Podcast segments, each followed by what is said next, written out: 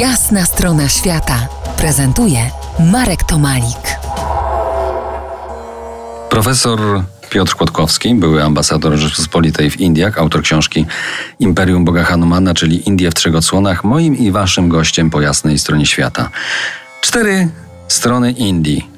Weźmy na warsztat słowny miłość. Bez niej trudno żyć na jakiejkolwiek szerokości geograficznej, ale tam na subkontynencie chyba wyjątkowo trudno ją okiełznać. Piotrze, czy tak zwane małżeństwa aranżowane, czy to już w Indiach końca drugiej dekady XXI wieku anachronizm? Nie, absolutnie nie.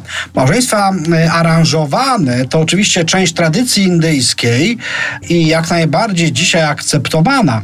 Nawet ci, którzy ukończyli studia w Stanach Zjednoczonych, Wielkiej Brytanii, czy też w innym kraju europejskim, godzą się na to, aby to rodzice, czy też rodzina decydowała o tym, kto powinien być współmałżonkiem. Praktycznie prawie 90 90% małżeństw jest aranżowanych. Takie małżeństwa z miłości, e, miłość od pierwszego wejrzenia zdarzają się. E, sam byłem świadkiem chociażby małżeństw Hindusów z bardzo wysokich kast z Polkami, co na początku budziło jednak kontrowersje w rodzinie, ale tak jak powiadam, aranżowane małżeństwa dzisiaj dominują e, w krajobrazie społecznym Indii.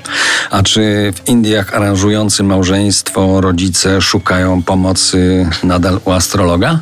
Oczywiście, czyli nie ma mowy, żeby nie korzystać e, e, z porady Jyotishi, bo tak nazywa się w języku hindi. Astrolog, on powinien wskazać, kiedy nawet ślub e, powinien zostać zaaranżowany, kiedy powinny mieć miejsce poszczególne ceremonie. To bardzo ważne. Proszę też pamiętać, że ta aranżacja małżeństwa nie ogranicza się do jednego tylko kandydata. Może być tak, że syn lub córka nie zgodzi się na pierwszą proponowaną kandydaturę i dopiero za trzecią wyraża zgodę. E, poza tym sprawa jest jeszcze bardziej skomplikowana, ponieważ w Indiach jest więcej mężczyzn niż kobiet. Po prostu brakuje kobiet. Więc tutaj dzisiaj ta pozycja kobiety kiedyś niższa zaczyna się zmieniać. No bo e, skoro brakuje kilkudziesięciu wręcz milionów kobiet ze względu na fakt, że to chłopiec jest tym, którego rodzina bardziej pragnie, no to zmienia zupełnie sytuację demograficzną, ale także i społeczną. Piotrze, jak ci się wydaje, jaki odsetek tych małżeństw aranżowanych jest po prostu szczęśliwych? Trudno to powiedzieć. E, w każdym razie w Indiach rozwód nie jest czymś bardzo częstym. Pojawiają się rozwody, ale one dotyczą przede wszystkim dużych miast.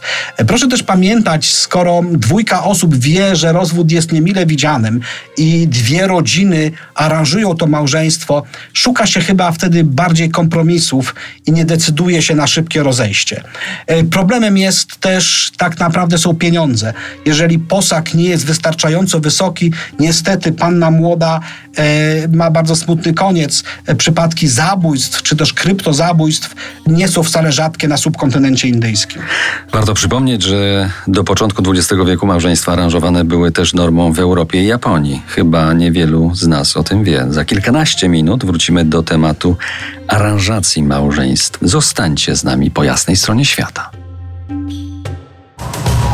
To jest jasna strona świata w RMS Classic.